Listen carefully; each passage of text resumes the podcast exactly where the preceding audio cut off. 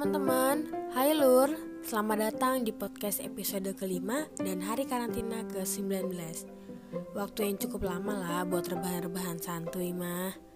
Karena emang udah hawa-hawa puasa ya Gue jadi pengen bahas deh sedikit tentang keikhlasan, kesabaran, dan kepedulian. Kalau ngomongin tentang keikhlasan ya Sebenarnya cakupannya emang bener-bener luas.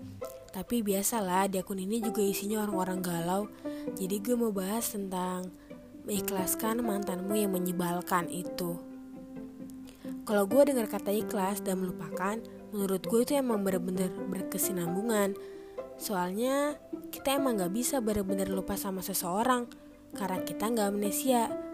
Kalau kata-kata dahsyatnya cewek pasti mereka bilang kayak gini. Udah gue maafin kok, tapi emang gak gue lupain. Pakai ada yang sedikit ngegas gitu loh.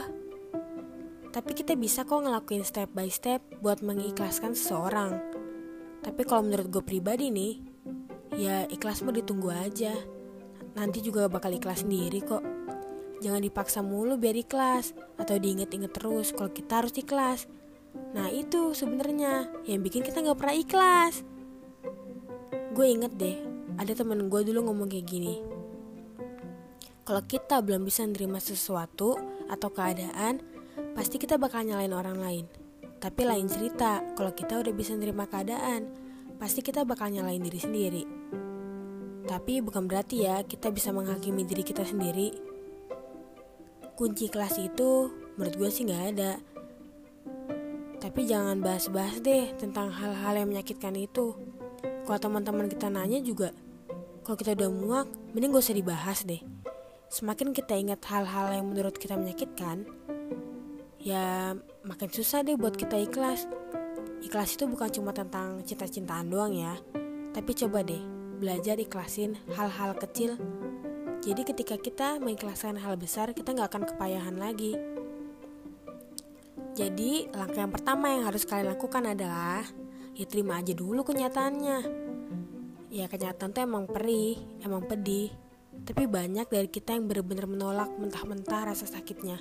Padahal kita harus ngerasain itu dulu. Kalau tentang peduli gimana? Apa kita harus nggak peduli sama mantan kita? Atau orang yang udah jahat sama kita? Jujur aja ya, gue itu bukan orang yang kepedulian. Mau orang itu sejahat apa pun juga sama gue, kalau dia lagi bener-bener butuh, pasti kok gue bantuin. Kenapa? Karena gue mau nunjukin aja ke mereka, kalau gue gak sama kayak mereka. Dan semoga aja ya, dengan begitu mereka bakal sadar deh kalau ada sesuatu yang harus diubah dari mereka. Kepedulian itu menurut gue sih kayak rantai. Kenapa? Ketika kita ngelakuin hal baik, bisa jadi orang lain akan ngikutin juga. Coba deh, kalau rantai kebaikan itu putus di kita. Sayang banget kan? Kalau gue boleh cerita ya. Jadi dulu gue pas SMP gue tuh bimbel dan gue selalu naik angkot.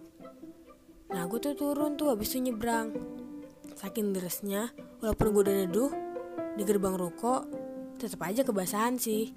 Nah tiba-tiba ada orang yang datang nyamperin gue buat ngajak gue bareng. Bukan ke orang-orang modus sih. Lagian gue SMP juga culun banget kok.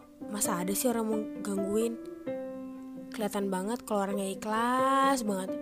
Dan sejak itu, kalau gue lagi bawa kendaraan dan di sekitar perumahan gue lagi kehujanan, pasti gue mencoba bantu mereka dah.